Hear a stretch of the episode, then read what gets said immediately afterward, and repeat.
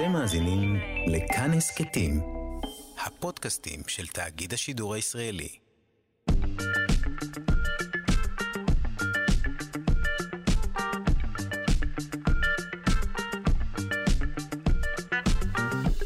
שלושה שיודעים.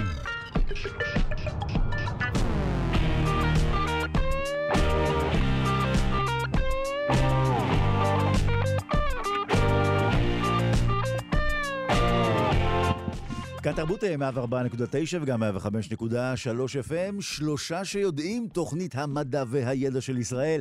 אז הנה אחרי ששבוע שלם נשנשנו ופרקנו פירורי מצע, מאמש אנחנו כבר לא צריכים לפרק את זה, כי זה מודבק מאוד. אנחנו בענייני המופלטות, אז אה, נאמר בוקר טוב, בחוץ עדו, וגם כמובן, אתם יודעים, אה, חג המימונה הוא לא רק אה, מופלטות, על זה כולם מדברים, אבל כמובן ש... הרבה מעבר המסורת אה, והמנהיגים של יהדות אה, צפון אפריקה, אז כמובן, לא רק המופלטות. אנחנו היום גם לא נדבר אה, על מופלטות אגב, אנחנו נדבר על דברים שקשורים לעניינים נוספים. האם ידעתם שנבחרת ישראל אה, ניצחה, אה, זכתה, יש מדליית זהב באולימפיאדה? עכשיו תגידו, רגע, מתי הייתה אולימפיאדה? איזו נבחרת? אנחנו נגלה לכם. הנבחרת במתמטיקה. זו הנבחרת האמיתית. עזבו שערים, עזבו רונלדו, עזבו מסי, עזבו זהבי. אנחנו יכולים לשוחח עם מישהי שזכתה במדליית זהב באולימפיאדת המתמטיקה. גם נהיה היום אה, עם ענייני אה, חדשנות אה, ברפואה, עם כמה דברים חשובים הקשורים למערכת כמובן, אה, אנחנו אוהבים תמיד לטייל בגלקסיה שלנו. הפעם שלנו באמת, שביל החלב. בשבועות האחרונים אה, ביקרנו בכל מיני גלקסיות רחוקות, כוכבים שבחיים לא נפגוש אותם. אלא אם יש לנו טלסקופ אה, האבל בבית, ולא נראה לי שיש לנו אה, דבר כזה. ובכל מקרה, אנחנו נדבר היום אה, גם על שביל החלב. ועוד אה, ספיח אחרון למשימה של איתן סטיבה בחלל. תלמידים חובבי רדיו כאן מישראל יצרו קשר. עם איתן סטיבה בחלל. אז אה, דברים אה, רבים אה, על סדר היום וכאן על שולחננו, כך שנצא מיד לדרכנו, ונגלה לכם. שהצוות כולו דרוך ומוכן, אה, רז חסון חסון אה, בעמדת אה, העורך שלנו. המפיקה בעלת השם היוקרתי אלכס אלכסנדרה לויקר. על הביצוע הטכני זהו סופר די.ג'י מלך כפתורי הרדיו אלון מקלר. כאן באולפן נתיב אה, רובינזון. אנחנו מתחילים.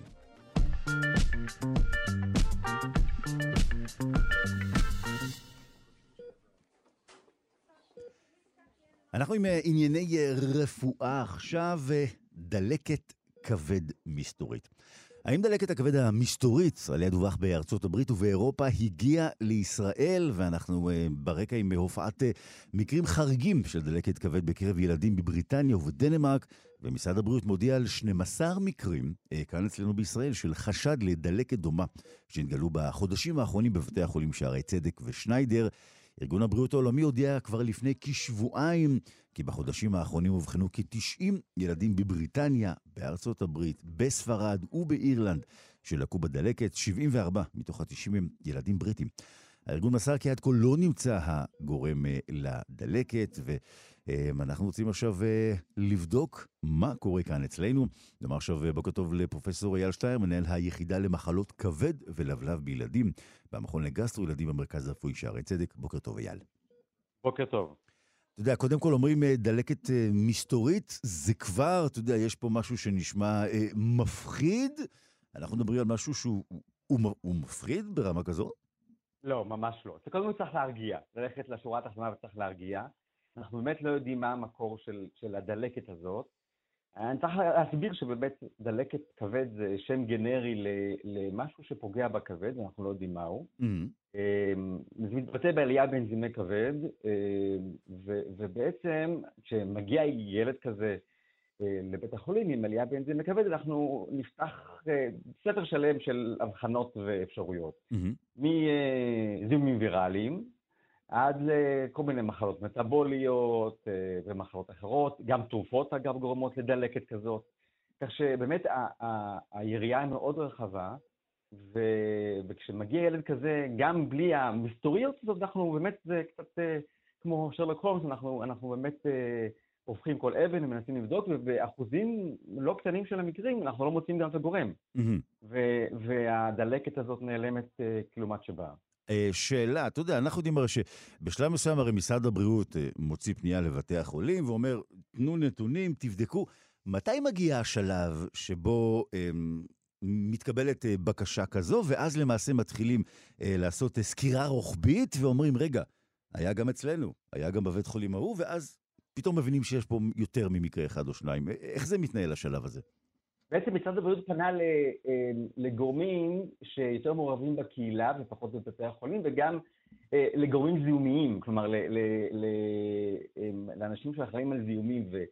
ובעצם כש, כשמגיע ילד כזה ונשללים זיהומים, אז לרוב הוא עובר לרופא הכבד או לרופא הגסטרו, לרופאים הגסטרונטרולוגים ילדים, ולכן כנראה שלא קיבלו את כל, את כל המידע. וברגע שהסיפור הזה עלה, אנחנו גם בינינו דיברנו שיש איזה משהו קורה באמת, אני הרגשתי את זה בשערי צדק, אפילו בשנה האחרונה, שיש משהו ששונה מאשר השנים הקודמות.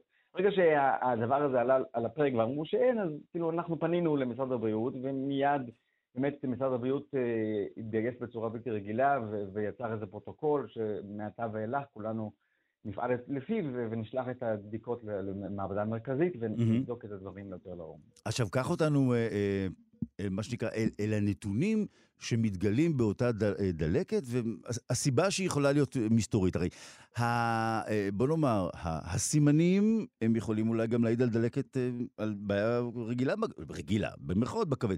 אה, צהבת אה, אה, בלובן העין, בעור, אלה דברים שאנחנו מכירים מבעיות כבד רגילות. מה הופך את הדלקת הזו לכזו שקיבלה את התואר המעניין הזה? אז באמת, אנחנו, אנחנו רואים הרבה ילדים עם עלייה באנזימי כבד, אבל מה ששונה היה בעלייה הזאת באנזימי כבד לעומת המקרים שאנחנו רואים בדרך כלל, זה באמת עלייה מאוד חדה. אם אנחנו בדרך כלל רואים זאת אומרת, 200, 300 ALT ו-ALT, שאלה הם האנזימי כבד שאנחנו מסתכלים עליהם, אה, עכשיו היה באלפים. אז זה דבר אחד שהיה שונה. אנחנו רואים את זה לעיתים, אבל התדירות הייתה יותר גבוהה מאשר בדרך כלל. אה, דבר שני, הייתה צהבת שאנחנו לא רואים הרבה אה, צהבת בילדים. אומרת, אנחנו רואים את זה, אבל זה לא משהו שאתה רואה כמה פעמים בשנה. זה, mm-hmm. נדיר. שני הדברים האלה באמת, אה, ודבר שלישי בעצם, לא, לא, לא, לא מצאנו את הגורם בצורה, בצורה מהימנה. כלומר, חשבנו שזה מחלת כבד אוטואימוני, זה מה שאני חשבתי בשער רפואי בבית חולים. Mm-hmm. באמת טיפלנו, אפרופו מחלה אוטואימונית, ובאמת הילדים האלה כולם השתפרו. אה, אבל, אבל ההבחנה לא הייתה במאה אחוז ברורה, ונוכח כל העדויות האחרות באמת עלה השאלה האם זאת ההבחנה באמת במאה אחוז. אז, אז יש כמה גורמים כאן, גם התדירות וגם ה, ה, אמ, אה, המידה של העלייה באנזים הכבד והצהבת שהיו שונים מאשר בדרך כלל. מתוך אה, אותם 12 ילדים, שניים הגיעו למצב של השתלת כבד. נכון. נכון, ואם מסתכלים על העולם, רגע נעשה זום אז לעולם, מתוך איזה 130 ילדים ש- שדווחו כרגע בעולם, 10% מהם אה, עברו השתלה, שזה אה, מספר לא מבוטל. Mm-hmm. אה, שוב, השאלה היא באמת, איך כל אחד מגדיר את, ה- את, ה- את, ה- את התופעה הזאת, ואת ה- את הסיפור הזה, יכול להיות שאנחנו אולי אה, קצת overreacting ואנחנו אה, מדברים על, על אה, לא כולם מגדירים את זה באותה צורה, למרות שנשלחו לנו כל מיני קריטריונים, mm-hmm. אבל בהחלט אה, השתלת כבד זה לא מה בכך, ובאמת כשאנחנו משתילים כבד בילד, אז הקו הוא מאוד מאוד דק. האם אה, לחכות עוד קצת, או האם שהילד יבריא, כי הכבד יש לו יכולת מדהימה לעשות רגנרציה, כלומר גדילה מחדש, mm-hmm. או לחילופין להשתיל אותו. ולפעמים אנחנו משתילים כבד ואנחנו באמת לא יודעים האם עשינו את הדבר הנכון, כי, כי, כי אולי היה משתפר, אבל זה רק חומת בדיעבד. אז באמת שני הילדים האלה אה, הגיעו למצב שהם כבר כבד לא מתפקד לחלוטין, ואז היו צריכים לעבור השתלה. מתוך אה, אותם, אה, אה, הילדים היו בגיל שלושה חודשים עד 16 שנים, המושתלים זה הקטנים יותר או הגדולים יותר? כן. אנחנו באופן כללי, הדיווחים בעולם הם עד גיל 16, אנחנו ראינו עד גיל 5 את הילדים. Mm-hmm. כלומר, ילדים קטנים יותר, אמ, ואני לא יכול לתת לך פרטים על, על, על המושתלים, כי אני, הם, הם משניידר, הם הושתלו בשניידר, אבל אה, בהחלט היו ילדים יותר קטנים שהושתלו. יש כאן הרבה מאוד אפשרויות להבחנה מבדלת מה, ההבחנה שלהם, אבל, אבל אה, אנחנו עדיין לא יודעים. אז בוא נעשה עכשיו ככה, אמ, אתה יודע, בוא, מה שנקרא, כמו שהיו אומרים בהגדה של פסח, נתן בהם סימנים. בוא, בוא נתן סימנים. תראה, את הצהבת בלובן עין או צהבת בעור, אני מאמין ש, שרובנו מכירים. אילו עוד סימנים חשודים אה, צריכים לעורר דאגה? ואני מבין שגם חלק מהעניין הוא אה, להגיע לרופא ככל שאפשר יותר מהר, לא לחכות. נכון? נכון. אז, אז באמת... אל, ה... אילו סימנים באמת, דוקטור שטיין? הצהבת, הצהבת בעיניים זה באמת אה, סמן, סמן משמעותי. Mm-hmm. בלי, גם, גם בלי קשר לכל מה שקורה עכשיו, כלומר, ילד כן, כן ברור. צריך לרוץ לבית חולים. נכון. אבל, אבל מעבר לזה, הסימנים מאוד ספציפיים. יש ילדים שהגיעו, שהם מרגישים טוב לחלוטין, ויש ילדים שהגיעו חולשה, כאלה שהם שלשולים, הדברים מאוד אה, אה, לא ספציפיים, ולכן אני לא רוצה להתחיל לעשות אה, בהלה בציבור. לא, לא, לא, ברור, ברור. זה ממש... אה, אני חושב שמה שהמרקר הוא, הסמן הוא הצהבת, מעבר לזה, כן. אם יש משהו שהוא לא ברור, צריך להיות רופא משפחה, רופא ילדים, שיבדוק, אבל אה, הדבר האחרון שאנחנו רוצים... ליצור בהלה. ליצור בהלה. ברור. כן. אז כמו שאמרנו, הסימנים הללו, אתם נמצאים בקשר עם גורמים רפואיים גם ברחבי העולם. מרגע שגם כאן, הרי אה, הזכרנו קודם את אה, בריטניה, דנמרק, מקומות שבהם זה התגלה, כבר יש מה שנקרא אה, חלופות מידע, אינפורמציה, התייעצויות, גם עם, עם החברים שם? כן, כן, בוודאי. יש לנו קשר, משרד הבריאות יצא קשר עם, באופן רשמי עם, עם רשויות, רשויות הבריאות בכל העולם, גם ה-WHO, ה-WHO עכשיו הוציא איזה מסמך רשמי ש... אה, סקר את כל, כל המדינות בעולם. אה, צריך לציין שבחלק מהמדינות, בעיקר בבריטניה האמת, נמצא וירוס בשם אדנו, אה, ב-70 ילדים. אנחנו לא יודעים עדיין אם זה, זה הגורם, כי לא בכולם זה נמצא, וגם הווירוס הזה הוא וירוס שבדרך כלל עושה מחלה מאוד לא משמעותית. אז באמת הדברים האלה נבדקים, ואנחנו בקשר תמידי עם כל אנחנו כל הזמן, גם במשך החג, כל הזמן אה, אה, מוזרמים לנו מידע לגבי אה, מה מצאו איפה, mm-hmm. ובאמת כל פעם מדינה אחרת באה עם המספרים שלה וה, והעדויות שלה.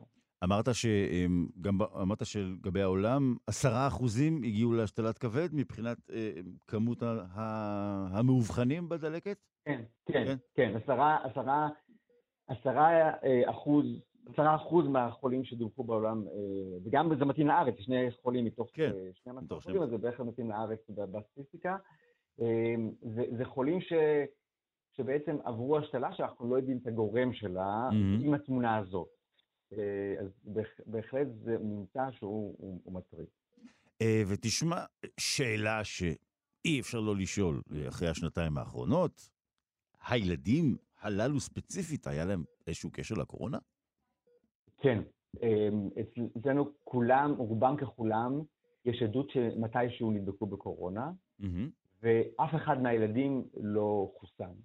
מתוך תוקף היותם קטנים, כמובן, מתחת לגיל חמש, אז אה, הם לא חוסנו, ואין לנו מידע כזה בעולם, למען האמת. המידע בעולם הרבה פח, פחות הדוק לגבי הקורונה, מה שבישראל mm-hmm. מאוד מאוד, אנחנו באמת על זה, ויש לנו דעות טובות לגבי הקורונה, אז אה, אה, כולם חלו ואף אחד לא חוסן. כן. מכאן אני נותן לך את, את הדמיון ואפשר לרוץ עם זה, אבל בהחלט אה, מה השתנה הלילה הזה מכל הלילות, מה השתנה עכשיו לעומת לפני שנתיים, אז, אז הקורונה באמת נכנסה לחיינו. Mm-hmm. כרגע, בין ההשערות האלה לבין ההוכחות עדיין הדרך רחוקה. אז יש את המשתנה הזה במשוואה. אה, פרופסור אייל שטייר, מנהל היחידה למחלות כבד ולבלב בילדים במכון לגסטרו ילדים במרכז הרפואי שערי צדק. דלקת הכבד המסתורית הזאת עכשיו פחות, כי כבר שוחחת עליה, אז היא כבר פחות מסתורית, היא עכשיו דלקת כבד. תודה רבה, בוקר טוב. תודה רבה ויום טוב, ביי.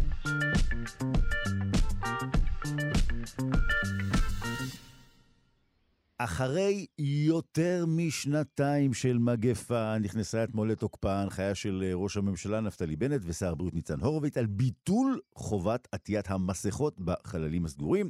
אה, בנט והורוביץ אה, סיכמו כי החובה תבוטל, למעט במקומות בעלי פוטנציאל הדבקה גבוה, בתי חולים, אה, מוסדות מגן אבות ואימהות, מה שנקרא דיור מוגן גם, טיסות ואדם הנמצא בדרכו לבידוד, והסרת ההגבלה באה בעקבות הירידה בתחלואות הקורונה בישראל.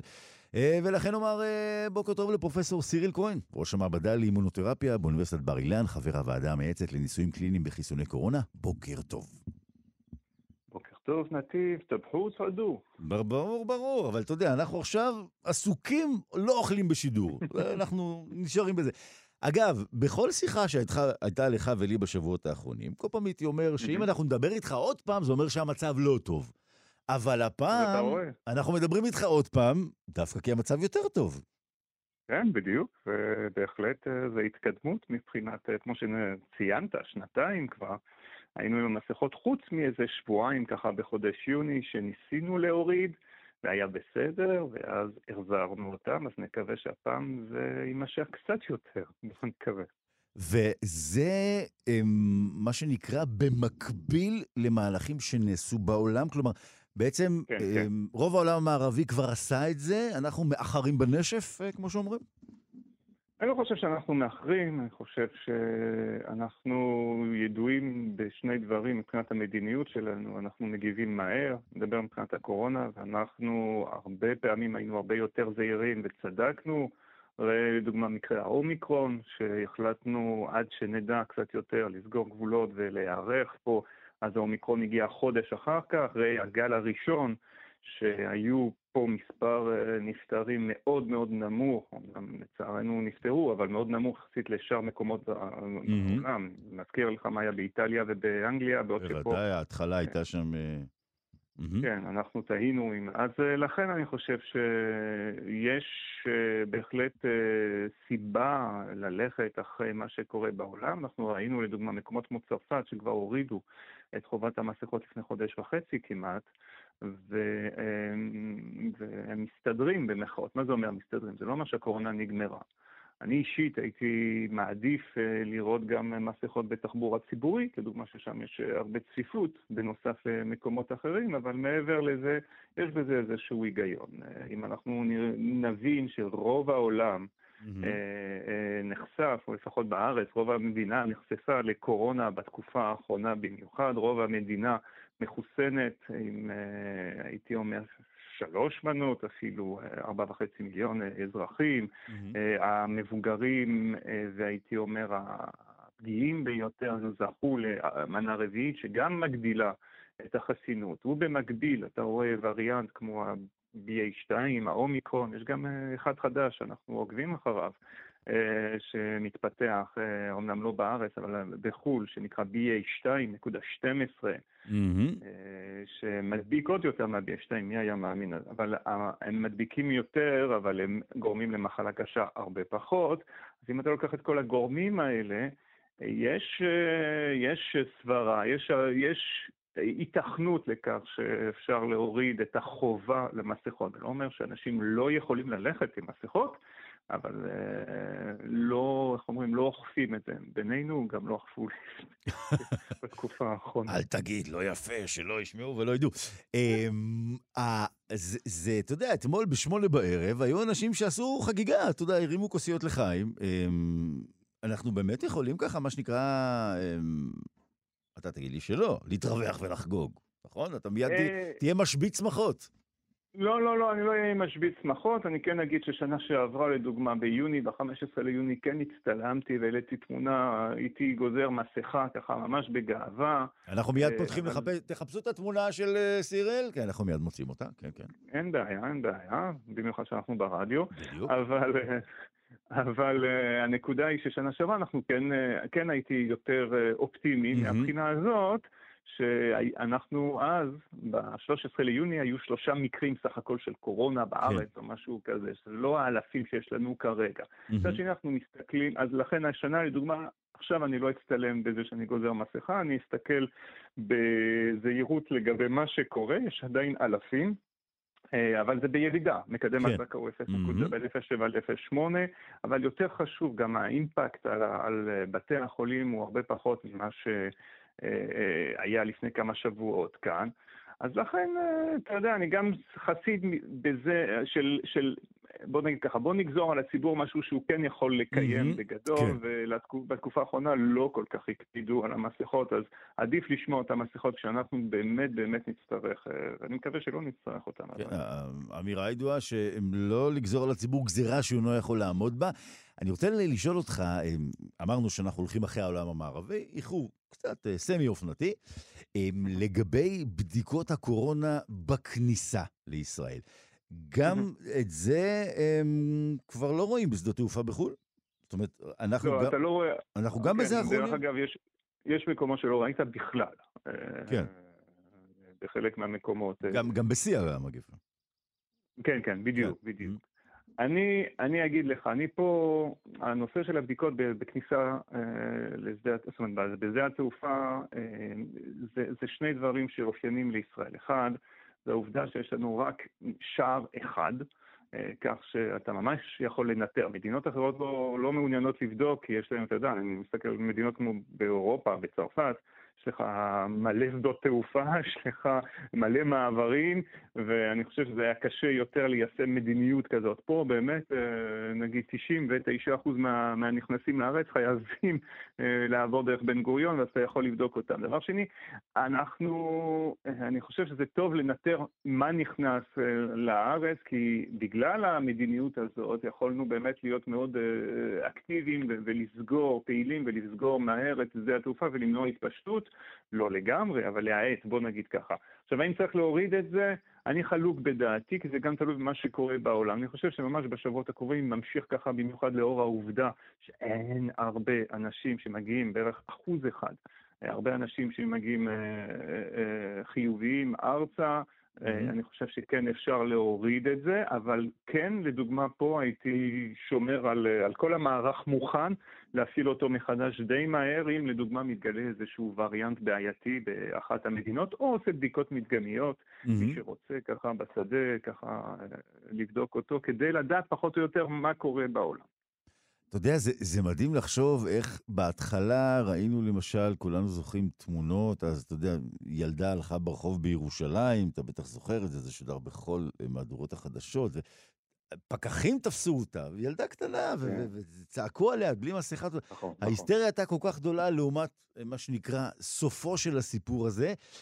העובדה שמסירים את המסכות היא, אבל יכולה גם, אתה יודע, אמ, אני שואל אותך, לגרום לכך שאנשים יחשבו שזהו, אתה יודע, עכשיו כבר אמ, הכל בסדר. אה, אנחנו יודעים שעד היום, למשל, במקומות עבודה רבים, עדיין, אתה יודע, משתמשים בכלים חד פעמים. זאת אומרת, יש עדיין, אתה יודע, מין שומרים על, אה, מה שנקרא, על גחלת קטנטנה, גם זו למעשה ישבתי עליהם סופית. זאת אומרת... אה, תראה, מתישהו צריך להוריד. כאילו, ומתישהו צריך לחזור לחיים האמיתיים. גם כשאתה מסתכל על הפנדמיות והמגפות הקודמות, אה, האנושות פה, ואף אחד לא הולך עם מסכה בגלל השפעת הספרדית מ-1918. זאת אומרת, מתישהו, אה, והלכו עם מסכות דרך אגב. כן. אה, מתישהו, מתישהו הפסיקו, אז כן צריך לחזור. אבל mm-hmm. אני... אני אגיד כמה דברים. אחד, זה שהיינו בהיסטריה, זה היה גם מוצדק. לא ידענו לקראת כן. מה אנחנו הולכים, אבל גם צריך להגיד שהיו וריאנטים, וזה אנשים שוכחים, לפעמים אנשים יש זיכרון קצר, היו וריאנטים הרבה יותר בעייתיים. Mm-hmm. היו לנו פה מחלקות מלאות, אה, זאת אומרת, זה לא, זה לא צחוק. זה שהאומיקרון עכשיו, ה-BA2 הם פחות בעייתיים, פחות חמורים, זה לא תמיד היה המצב. נכון. וכן, אני מסתכל על זה בצורה, זאת אומרת, אה, רגעית. זה שאנשים יחליטו לשחרר, אה, אתה יודע, זה, קודם כל הצביעו כבר ברגליים והרבה משחררים. אני עשיתי ספירה, לדוגמה, לפני כמה ימים הייתי בקניון, mm-hmm. והסתכלתי כמה אנשים הולכים עם מסכות על הפה ועל האף. אני ראיתי שבערך 30 אחוז ככה הולכים, אה, כל השאר זה היה מתחת לסנטר, כן. מתחת לאף, למהדרין, אז אה, כאילו... אה, בשביל הנימוס, זה היה כן. על הצוואר.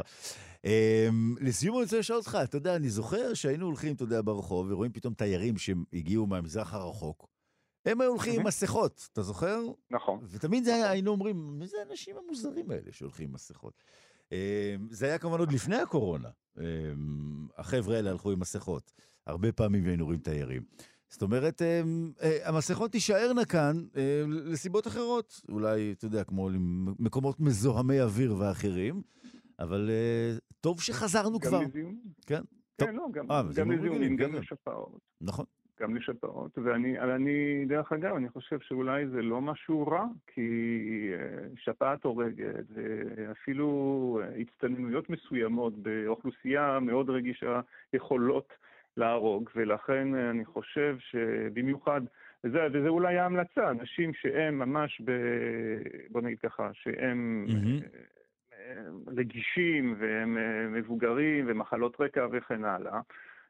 יכולו, יכולים ללכת עם מסכה, ואפילו מומלץ במקומות מסוימים ללכת כן. עם מסכה, והוא אפילו לא רק עם המסכה הפשוטה שלנו, אלא עם מסכה קצת יותר אטומה, כמו כ-N95, FFP2 וכן הלאה. כן.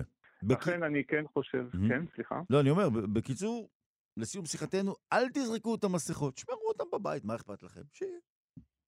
כן, ונקווה שבאמת בפעם הבאה שאנחנו נדבר זה כי אנחנו ביטלנו את חובת הבידוד וסגרנו את סיפור הקורונה. עכשיו, פתחת את שיחתנו בברכה תיר בחוץ אדון, אני מבין שלפי זה אתה כבר חגגת? אני, כן. יפה. אנחנו... זה מסורת, אין מה לעשות, אפילו הכנתי מופלטות בעצמי. אתה הכנת בעצמך? אה, כן, כן, אני אשלח, אני אשלח תיעוד. עם, עם, הזה, עם, עם התמונה של הגזירת מסכה, אני גם אשלח תיעוד לעורך החסון שלכם, אני אשלח אה, תמונה שלי עם איך היא מופלטת. פרופסור סיריל כהן, אה, כותרת השיחה הגיעה בסוף. פרופסור סיריל כהן, ראש המעבדה לאימונותרפיה, מכין בעצמו את המופלטות. זו כותרת השיחה, אנחנו היינו צריכים להתחיל אותה מהסוף. אז אגב, רז חסון לחסון עכשיו עושה לך שלום מאחורי השמשה, הוא מחכה לתמונה. הסתבכת איתו, הוא יחכה לתמונה. תענוג כתמיד, פרופסור סיריל כהן, ראש המעבדה לאימונותרפיה באוניברסיטת בר אילן, חבר הוועדה המאצת לניסויים קליניים בחיסוני הקורונה. תודה רבה, תראה בחוץ רדו. תודה רבה, כל טוב להתראות.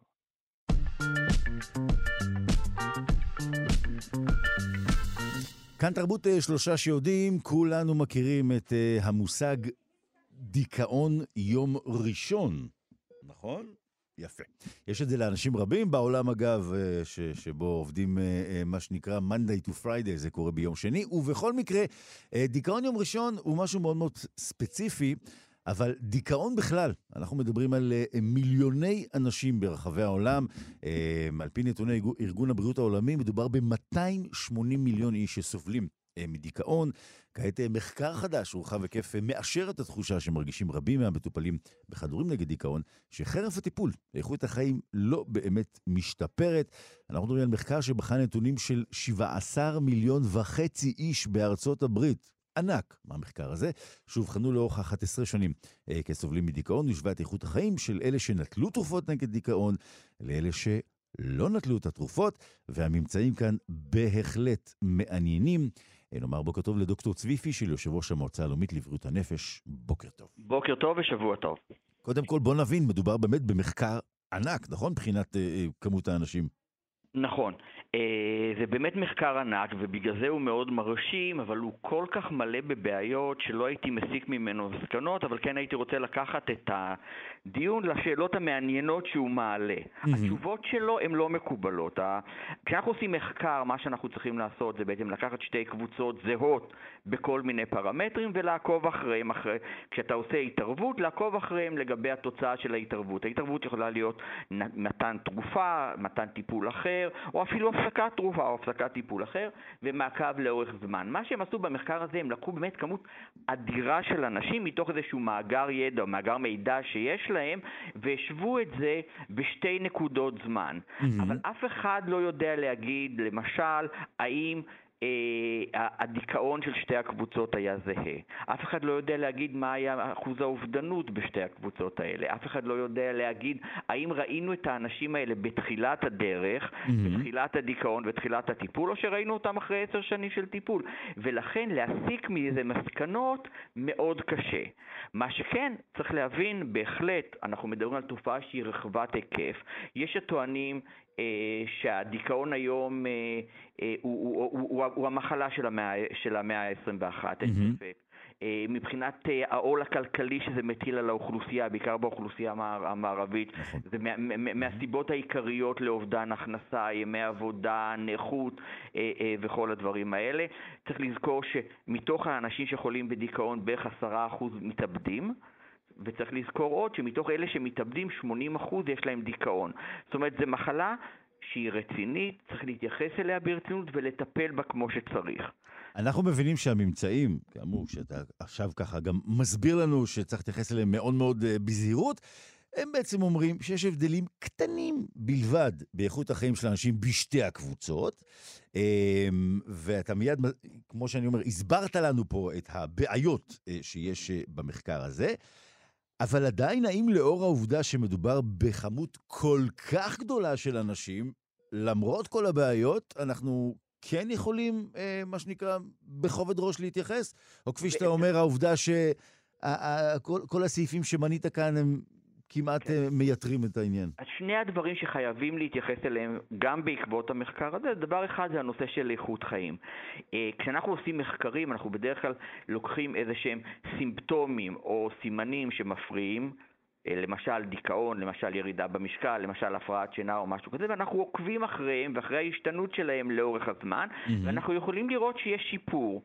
אבל אנחנו יודעים שלפעמים השיפור הוא לא מושלם. הבן אדם לא חוזר להיות מה שהיה קודם, למרות שהדיכאון חזר להיות נורמלי, והמצב רוח חזר להיות נורמלי, והשינה טובה, והתיאבון טוב והכל, עדיין יש דברים שמפריעים לאדם, ובוודאי שאנחנו כקלינאים חייבים להתייחס לזה, mm-hmm. ולא רק לשאול איך מצב הרוח שלך, אלא גם להגיד האם השתפר, האם הכל השתפר, האם חזרת להיות כמו שצריך. ואני חושב שאנחנו כקלינאים, אבל גם מטופל, צריך לשאול את עצמו, האם אני מרוצה מהנקודה שבה אני נמצא, ואם אני לא מרוצה מהנקודה שבה אני נמצא, בואו ננסה ולמצוא אה, פתרונות אה, אחרים או פתרונות נוספים. צריך mm-hmm. לזכור שהטיפולים הפסיכיאטריים הם טיפולים ביו-פסיכוסוציאליים, זה לא רק טיפולים תרופתיים. לפעמים שילוב של טיפול תרופתי יחד עם טיפול פסיכותרפויטי יכולים להיות, לתת אה, אה, תוצאה שהיא הרבה יותר טובה מאשר רק טיפול, אה, אה, טיפול תרופתי. הדבר הנוסף שצריך לזכור זה לכמה זמן אנחנו רוצים לתת את הטיפול או לכמה זמן אנחנו ממליצים לקחת את הטיפול. הטיפול. אה, גם כאן צריך לעשות בעד ונגד. ההמלצה, המלצת הספר אומרת, אחרי דיכאון אחד אתה לוקח במשך שנה, אחרי שני דיכאונות במשך חמש, חמש שנים, ואחרי שלושה דיכאונות, שלושה אירועים של דיכאון, צריך כבר לקחת לתקופה הרבה יותר אה, ממושכת. אה, זאת המלצה שהיא הייתה נכונה והיא כמובן נבדקת מדי פעם, אבל אני חושב שכהמלצה גורפת היא נכונה, אבל כהמלצה פרטנית צריך. לזכור האם לכל בן אדם זה מה שמתאים. האם הבן, אם בן אדם לוקח טיפול תרופתי, מרגיש טוב, חזר לעצמו והכול, אני לא הייתי מסכן את זה. למרות שרוב הפציינטים כן. חייב לומר שמתוך המדגם הלא מייצג, אבל של מאות פציינטים שאני רואה, כשאני נותן להם טיפול תרופתי נגד דיכאון, רובם אחרי שנה מבקשים להפסיק את הטיפול. טוב, אתם מרגישים יותר טוב, אומרים בוא נפסיק, אבל אז חלילה זה יכול לחזור. לרובם זה חוזר. כלומר, התחושה... ורובם חוזרים אחר כך, אז ל... בעצם... כל אחד רוצה לנסות בלי, זהו. ובסוף מבין שהדיכאון זה לא רק... אה, אה, אה, אפיזודה אחת חולפת, אלא הדיכאון זה מצב בסיסי שלך שהאבולוציה דואגת לשמר אותך במצב רוח שהוא ירוד יותר מאשר כל האוכלוסייה. זאת אומרת, אה, אני אעשה עכשיו איזושהי אנלוגיה לא, לא כך מתאימה, אבל בוא נגיד סתם, יש לך לחץ דם גבוה, אז, אז תמיד יהיה לחץ דם גבוה אם לא תיקח בדיוק. כדורים. אז פה בדיוק. אתה אומר, יש לך אה, סירוטונין ברמה מסוימת, תיקח את הכדור, אז הוא יסתדר. זו אנלוגיה שהיא מאוד מתאימה. היא מתאימה. לא שהיא לא מתאימה, היא מאוד מתאימה. היא מאוד מתאימה, כי אנחנו מדברים בעצם על עקומה גאוסיאנית, על התחלקות של האנשים על פני טווח מצבי הרוח, ויש כאלה שטווח מצב הרוח שלהם הוא נמוך יותר. עכשיו, בן אדם יכול לבוא ולהגיד, טוב לי עם זה, אני אוהב להיות מיוסר, אני אוהב להיות פסימי, סבבה לגמרי. אבל אם בן אדם מרגיש שהוא רוצה שינוי, שווה לנסות את השינוי ולהחליט אחר כך כמה זמן, האם, האם תופעות הלוואי שוות לי, האם עצם זה שאני לוקח תרופה, הידיעה שאני לוקח, לוקח תרופה, לחלק מהאנשים היא ידיעה קשה ולא, ו, ולא נעימה, האם mm-hmm. הידיעה הזאת שווה לי או לא.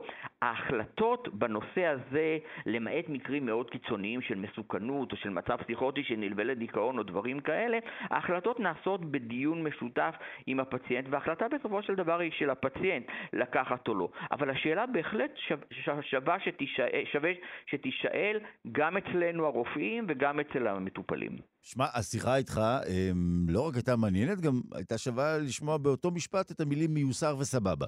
אם זה באותו כן. משפט, אז יש עתיד בכיוון. נכון. כן.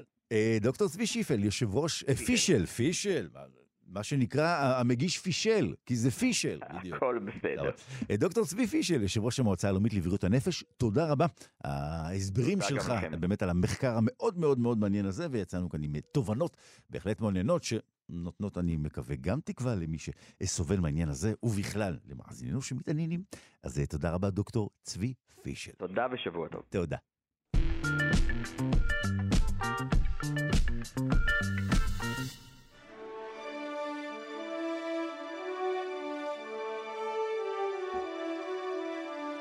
ככה זה כשיש מנצחים שעולים על הפודיום לקבל מדליות, ומדובר באולימפיאדה, אבל לא רצים שם, או קופצים שם, או זורקים סרטים וכדורים באוויר. אה, יש שיאמרו שהאולימפיאדה הזאת היא הרבה יותר רצינית מהאולימפיאדה ההיא, לא ניכנס לוויכוחים איש איש ודעתו. אגב, אנחנו כתוכנית מדע חושבים שהאולימפיאדה הזאת יותר רצינית, אבל אתם יודעים, אלה אנחנו. אנחנו מדברים על הנבחרת הישראלית לאולימפיאדת המתמטיקה אה, האירופית לנערות, הגיעה להישג יוצא דופן. כאשר כל הקבוצה זכתה במדליות, קפטן הנבחרת דורגה במקום השלישי בעולם. אנחנו מדברים על 222 אה, מתמודדות מ-56 מדינות ברחבי העולם. ישראל בכלל במקום התשיעי בעולם. ואנחנו בהחלט אה, מיד נשמח לברך כאן את uh, הקפטנית, קפטנית הנבחרת, נוגה פרידמן, מכיתה י' uh, בתיכון דשליט ברחובות, זכתה במדליית uh, זהב. והנבחרת הזו בכלל, אה, בהכשרת נבחרות ישראל, אה, גם בהובלת אה, אה, מה שנקרא אה, נבחרת המדעים, משרד החינוך, מרכז מדעני עתיד, וגם ההכשרה במכון ויצמן למדע. בוקר טוב, נוגה פרידמן. בוקר טוב. זוכת מדליית זהב מדורגת שלישית בעולם באולימפיאדת המתמטיקה, אה, כמו שאמרתי, תלמידת כיתה י' בתיכון דשליט ברחובות. את נשמעת רגועה בשביל מישהי שיש לה על הצוואר מדליית זהב, נוגה. אה, כרגע מדליה לא על הצוואר, אבל כן. אה, סיכמנו שבשיחה תהיה על הצבא. אוקיי, אז בואי נחזור לרגעים המרגשים. את התמונה ראינו כמובן עם uh, המדליה. אמ, ספרי לנו, את יודעת, תכף ניגע ככה בתחרות עצמה, אבל ספרי לנו על, על אה, אה, רגע ההכרזה. אה, איך מכריזים? איך זה קורה באולימפיאד מתמטיקה? איך... בגדול ידענו גם לפני זה כאילו בערך מה יהיו, מה יהיו המקומות, כי זה עלה לאתר, אבל זה עדיין היה מאוד מרגש לעלות לבמה, וכל פעם קוראים בשמות של, mm-hmm. של כולם, ואז הם עולים לבמה. ומקבלים את המדליות. ומדליית זהב, זאת אומרת, זה לא ש... סתם הצטיינת מדליית הזהב. איך ההרגשה? אה, זה מאוד מרגש, אבל זכיתי במדליית זהב גם שנה שעברה. Mm, אז את אה, צנועה וזה בסדר, אז אה, כבר, יש פה כבר הישגים. אמ, תארי לנו איך מתנהלת תחרות כזו באולימפיאדת מדע. איך זה בעצם מתרחש בפועל? אז בעצם היו לנו יומיים של מבחנים. ובכל מבחן יש לנו ארבע וחצי שעות לפתור שלוש שאלות. ועל כל שאלה אפשר להשיג עד שבע נקודות, אם פותרים אותה לגמרי. ואפשר להשיג גם ניקוד חלקי, אתה מתקדם אבל לא מצליח לפתור. אילו שאלות אה, ככה את נתקלת בהן? אה, אה, אני אגיד לך את הדוגמה לשאלה הכי יפה שהייתה לדעתי. כן. אתה צריך למצוא את כל המספרים השלמים חיוביים שמקיימים את התכונה הבאה. לכל כזה, יש לך מלבן שאורך צלע אחת שלו היא n, mm-hmm. והשנייה היא זוגית, אז כמות האפשרויות לרצף מלבן כזה עם אבני דומינו תהיה תמיד אי זוגית. Mm-hmm. וכל מספר זוגי. זו השאלה, מה שנקרא, שהכי אהבת? מה זה אומר הכי אהבת? אה, היו כמה שאלות, והיו כאילו שש שאלות סך הכל, וזאת הייתה לדעתי השאלה עם הפתרון הכי יפה. אגב, שניגשת אליה, מה, מה מיד עשית? כלומר, זה, זה משהו שככה יושבים, מסתכלים, אה, חושבים, או שמיד אתה ככה... אתה בהתחלה חושב, וזו שאלה יחסית, אה, כאילו, לא מאוד סטנדרטית. ואתה צריך בהתחלה לחשוב איך אתה מנסה לפתור אותה, ובסוף אתה מנסה כל מיני רעיונות, ואחד עובד. נוגה, אפשר להתכונן לדבר כזה? זאת אומרת, אה, את נגיד יושבים ועושים סימולציה, מה יכולים לשאול אותנו? איך, איך נערכים ל... יש גם את התחרויות, אני התחרתי כבר בשנתיים הקודמות גם, mm-hmm. אבל אז יש לנו אימונים בעצם של כל הנבחרת, יש נבחרת ישראל למתמטיקה שהזכרת קודם, אנחנו מתאמנים, יש לנו כמה מחנות אימונים בשנה וגם אה, אימונים שבויים. Mm-hmm. אנחנו בעצם פותרים, כן, שאלות שהן דומות. וכאשר אתם פותרים שאלות שהן דומות, אה, כאשר יושבים בשלב כזה, כל המתחרים אה, מקבלים את אותן שאלות בדיוק? כן. ואז מה, כפי שאמרת, שלוש יש... שאלות, מקסימום שבע נקודות, זאת אומרת אפשר לקבל 21, ואז עוברים לשלב אחר, או שזה... יש יומיים, יש יום ראשון עד 21, ויום שני עד 21, שני מבחנים. אז כלומר אפשר להגיע מקסימום ל-42 נקודות? כן. כמה קיבלת מתוך 42? 38. וזה זהב. כלומר, אנחנו מדברים פה על דרגות קושי הם, גדולות, אם ככה. כן, הייתה, הייתה רק ילדה אחת שקיבלה 42, ומקום שני קיבלה 40. 56 מדינות ברחבי העולם. מי ככה המתחרים אה, החזקים? אה, ארצות הברית מאוד חזקים, mm-hmm. פרו השנה היו מאוד חזקים.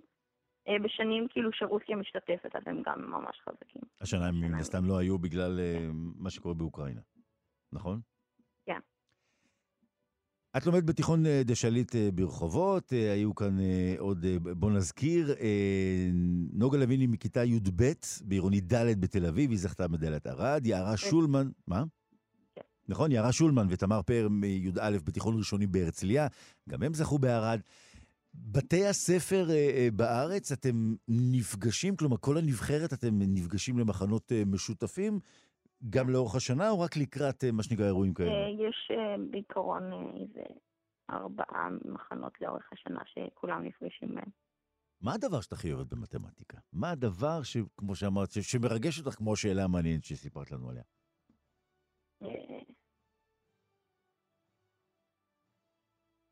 הדבר ש... שמה? לא שומע. קשה להסביר את זה. קשה להסביר. שילוב של הרבה דברים. הזכרת שאת כבר אה, זכית פעמיים ברציפות, זה אומר שהעתיד הוא בתחום הזה? אה, יש לי עוד, אני, אני חושבת שאני כן אעסוק במשהו שקשור למדע, אבל אני חושבת שיש לי עוד זמן, אני עדיין בסך הכל בת 15. וכבר עם שתי מדליות זהב, בואו נזכיר. אז אנחנו רוצים מאוד לברך נוגה פרידמן, זוכת מדליית זהב, מדורגת שלישית בעולם באולימפיאדת המתמטיקה, תלמידת אה, כיתה י' בתיכון דה שליט אה, ברחובות, וכאמור הנבחרת הישראלית הגיעה להישג יוצא דופן. כל הקבוצה חזרה עם מדליות. וזו גם הקפטנית אה, במקום השלישי בעולם, ובואו נזכיר, גם מחלקת המדעים של משרד החינוך, מרכז מדעני העתיד וגם אה, אה, מכון ויצמן למדע שותפים לנבחרת הזו שלכם. נוגה, תודה רבה. בהצלחה גם בשנה הבאה. את יודעת, אם כבר אז כבר. שיהיה גם אה, טריפל. טריפל מדליות. תודה רבה, נוגה.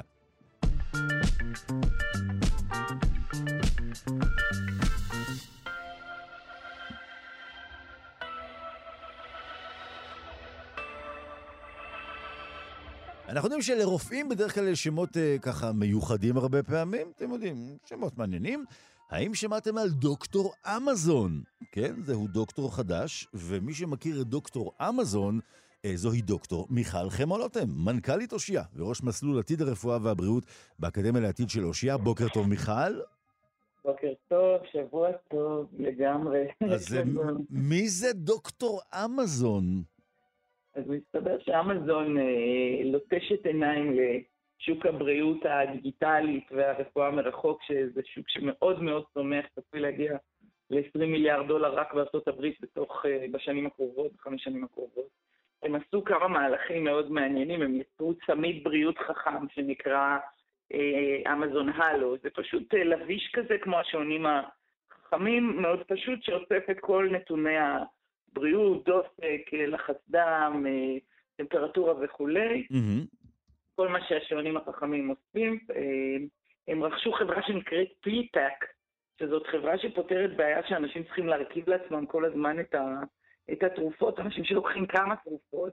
כן. והם אה, נכנסו גם לשוק עם ככה של, ה, של, ה, של הפרמסי לתעשיית הפארמה, ועכשיו הם יצרו שיתוף פעולה עם חברה שנקראת סטלדוק, והשיתוף הזה הוא מאוד חכם. לאמזון יש את הרמקול אה, החכם. תל הדוק.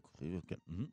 תל הדוק, ויש להם רמקול חכם, שנקרא אמזון אקו, הוא הרמקול החכם הכי נפוץ בארצות הברית, שאומרים, אה, מדברים אליו בתור אלקסה, ואז שואלים אלקסה, ואלקסה עונה כל מיני שאלות, תזמיני לי מקום למסעדה, מה מזג האוויר וכולי. אז מה שהם עשו, זה שהם עכשיו, אה, האנשים שמחזיקים את, אה, את הרמקול החכם יכולים להגיד, אלכסה, אני רוצה לדבר עם רופאה, ומיד הם מתחברים לשירותים של אותה חברה של תל-הדוק של רפואה מרחוק, עוברים תהליך שלם וזריז של מין שיחת מיון, היסטוריה רפואית, ומהר מאוד אה, מקבלים את השירות כשאומרים להם האם זה מכוסה על ידי הביטוח שלהם או, או שזה בתשלום. וככה בעצם אמזון אה, חודרת מאוד חזק לתוך שוק שהוא מאוד מאוד צומח, כל השוק של הרפואה מרחוק והרפואה הדיגיטלית. אה, וגם מבחינת המשתמש קצה, יש לו יכולת, תוך, בבקשה, תחשוב שאתה יכול להגיד, אני רוצה לדבר עם רופא ולקבל רופא. זה, זה בהחלט משהו שהוא יכול לתת ערך, רק שכמובן, כמו כל המהלכים של ה... של החברות הענקיות האלה, של הביג טק, אז יש גם כמובן סיכונים וחשדנות. זהו, פה, פה מגיעה השאלה. הרי מה שאת מתארת לנו כאן, מיכל, אתה יודע, זה באמת נהדר. הנה, ישר, תוך שנייה, אנחנו, יש לנו רופא על הקו, יכולים להתייעץ. אה, אבל הזכרת נכון, אמזון זו חברה למסחר, מסחר אלקטרוני. אנחנו יודעים שבכלל, אתה יודע, הכיוון הוא אחר. אה, ופתאום נכנסים לרפואה. אמ, האם בעולם הרפואה מישהו, מה שנקרא, מרים גבה, מעקם את העין, מצקצק בלשון, ושאר התופעות שאנשים אוהבים לעשות? עולם הרפואה, אבל קודם כל זה כל הנושא של הגבלים עסקיים מתעוררים, וגם אנשים שאחראים על פרטיות ו, ועל שימור, ועל הסוכנות של, שאחראית על בטיחות מידע רפואי, כי בסופו של דבר אמזון, למרות מה שכולנו תופסים אותה כעסק של מוצרים, היא גם עסק של נתונים. היא, היא עושה כסף מנתונים, המון כסף. ובסופו של דבר, תחשוב על סיטואציה שבה היא מחזיקה עוד ועוד נתונים מאוד אישיים ופרטיים על הבריאות, ומתחילה למכור לאנשים את התרופות, ולדחוף להם תרופות שהם לא צריכים, או מוצרי בריאות שהם... אה, תחשוב, זה מסחור מוחלט. זה, זה החשש, ש... בדיוק. שככה, כשגם ככה אנחנו נמצאים במגפה של רפואת יתר, שיש אנש, היום גופים מאוד רציניים בעולם שטוענים שעודף שירותי רפואה ועודף תרופות זה גורם המוות או השני או השלישי בסדרי גודל בעולם. עודף רפואה, עודף בדיקות, אבחנות שגויות, טיפולים מיותרים. אז תחשוב מה יקרה כשחברה שמשווקת ומוכרת כל כך באגרסיביות תתחיל עכשיו למכור לאנשים כמויות של תכשירים, של תרופות שהם לא בהכרח צריכים. כן, את מעלה פה, מיכל, את, את הנקודה, אני חושב, אולי, אולי הכי מדאיגה, נכון? זאת אומרת, אה, ימליצו למישהו, מדהים, כן. ימליצו למישהו על תרופות, ואז נבדוק ונראה, אה, זה כל התרופות שאמזון גם ככה מוכרת, אז הנה מכרו לנו יותר. בדיוק, לכן אמרתי לך, הם כן, רכשו כן, חברה שנקראת פילפק. כן, כן. עכשיו רק צריכים להתחיל לדחוף את התרופות. תראה, אני אגיד ככה, לטכנולוגיה זה חרב ציפיות נורא מסוכנת. וברגע שחברה תופסת גודל כל כך גדול, והיא הופכת להיות מונופול בתחומים שלה, והיא לא מפוקחת רגולטורית אה, במובן הבריאותי, אלא במובן המסחרי. אתה מבין, אמרתי לך, מי שמתעניין זה הממונים על ההגבלים העסקיים, אבל יש פה סכנות בריאות בעיניי מאוד גדולות. ברגע שממסחרים בריאות, בריאות היא, היא מוצר ציבורי, ברגע שמתחילים למסחר אותה, אה, יש גם הרבה מאוד אה, סיכונים, החל מהעניין, שוב, מהדברים הכי בסיסיים של הפרטיות שלנו, ועד ממש סכנה לחיי אדם, כן, רפואת יתר, אנשים לא יודעים, הם כל פעם אומרים, אני רק רוצה בדיקה, אני רק רוצה עוד תרופה, אבל uh, היום הגישה הרבה יותר שמרנית, פחות אה, לצרוך, uh, uh, פחות תרופות, פחות, כי, כי בסופו של דבר מאוד קשה לדעת מה הדברים האלה עושים לאורך זמן, וצריך, ובמיוחד כשיש אנשים קשישים שלוקחים 10, 7, 15 תרופות, והגוף שלהם הוא מאוד ספציפי, מה כל התרופות האלה עושות ביחד בקיצור, צריך פה באמת אה, אה, עין מאוד מאוד מקצועית. אני עוד מקווה, יש לי תקווה שבינה מלאכותית תפתור גם את זה, ותעשה את האינטגרציה. נכון, ועליה אנחנו... אבל זה עוד לא קיים היום, כן. אה, עוד לא קיים, בודקים את ההצלפות בין התרופות, אבל עוד לא, ויש כבר בינה מלאכותית, יש אבל עוד לא מה זה עושה על המטופל הספציפי עם הגוף הביולוגי הספציפי שלו. אז כן, יש פה הזדמנות, אבל אני מאוד חשדנית כשמדובר בחברות האלה. הן לא חברות פילנטרופיות שרוצות לעשות אה, רע וטוב לעולם. הן אה, נמדדות בשורה התחתונה, והיא כלכלית ולא בריאותית. אז הנה יצאנו עם מסר רפואי מחד וחשדני מאידך. הם, כמו שצריך להיות, את יודעת, אה, מיכל, אני נותנת לנו כאן חומר למחשבה. אז כך בפינת החדשנות ברפואה, דוקטור מיכל חמו-לוטם, מנכ"לית אושיה וראש מסלול עתיד הרפואה והבריאות באקדמיה לעתיד של אושיה. תודה רבה, בוקר. תודה, תודה, טוב.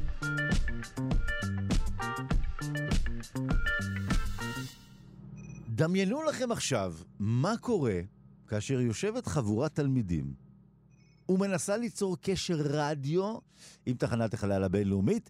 אה, לכאורה זה משהו שגרתי. זאת אומרת, כי קל ליצור קשר עם תחנת החלל, יש את מערכי השידור והקליטה הקרקעיים והלוויניים של נאס"א, אפשר אפילו גם אה, בפס אה, גבוה, אה, והכל אה, כמובן בתיאום מראש. אבל בכל זאת, כאן מדובר בתלמידים שחזרו לימי הרדיו.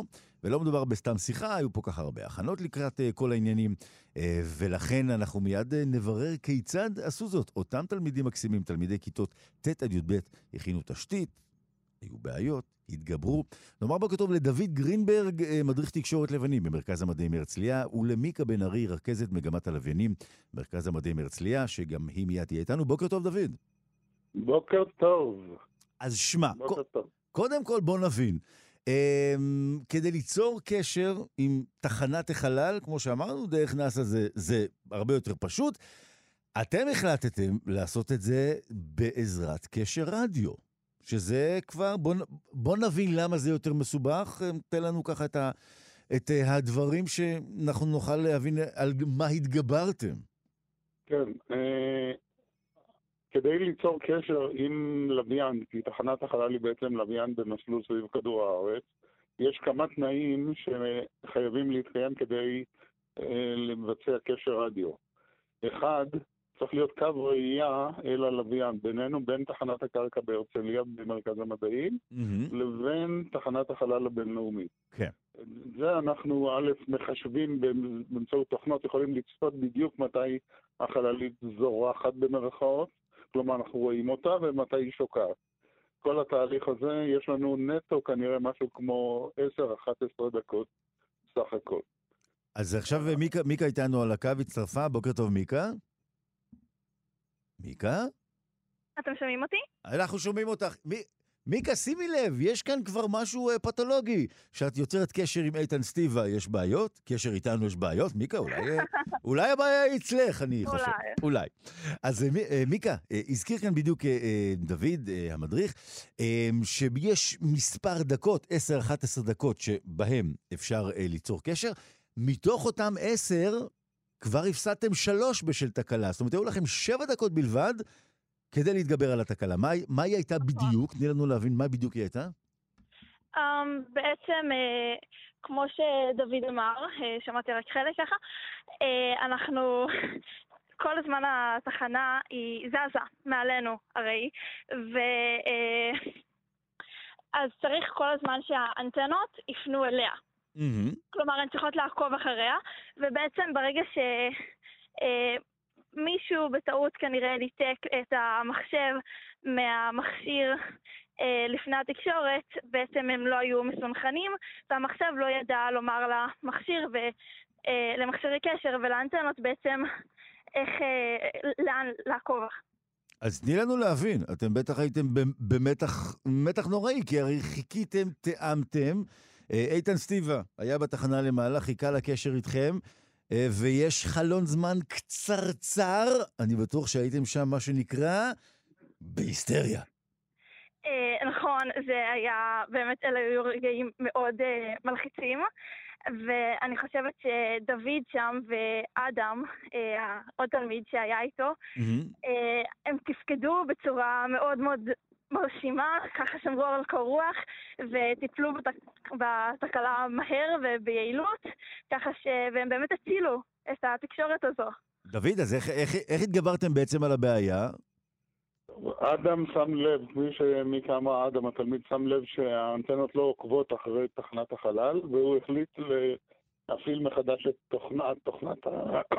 סליחה, תוכנת העקיבה.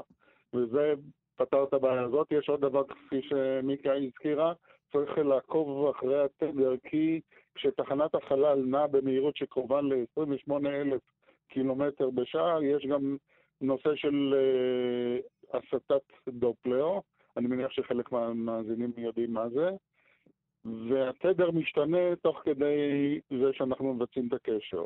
זה לא הצליח לעבוד, אז עברנו לתוכנית חירום שהכנו מראש בזיכרונות של מכשיר הקשר וכיוונו את התדרים באופן ידני.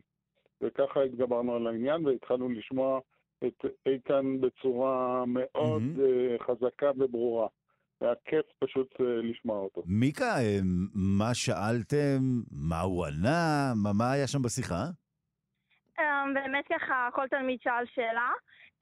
אני אישית שאלתי מה היה האתגר הכי גדול שהוא התמודד איתו בהכנות לקראת הטיסה.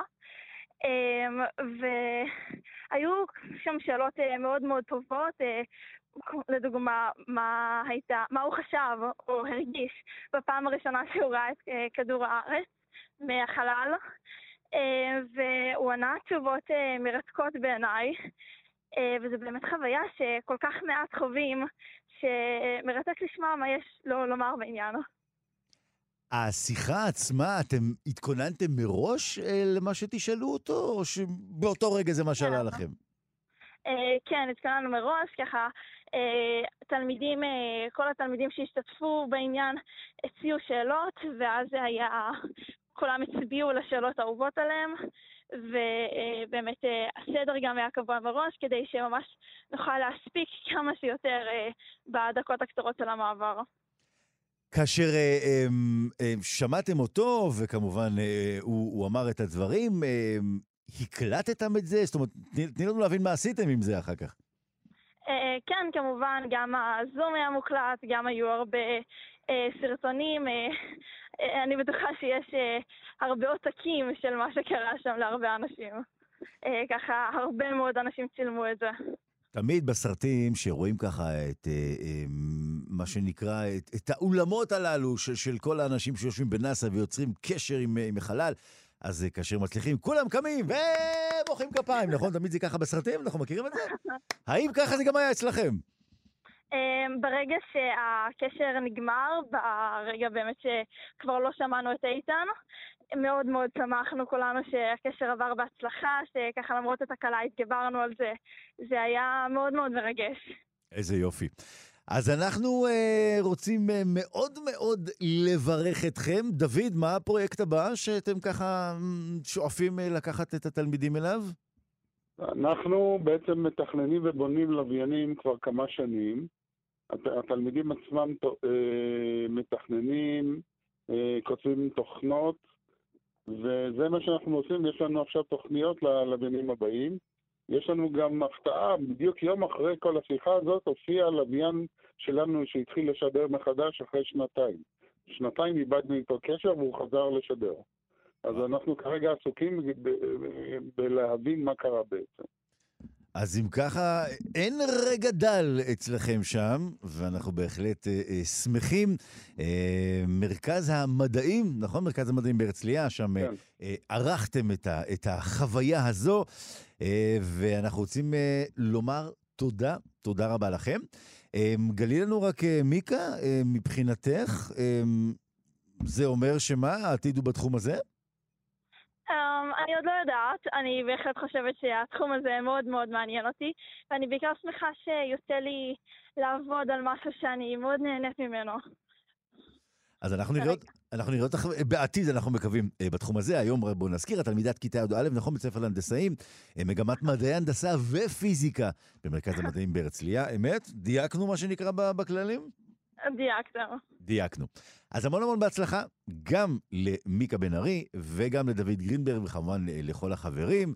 והנה, מתגברים על התקלות, יוצרים קשר עם תחנת החלל, וגם שמעתם באופן אישי את אה, איתן סטיבה.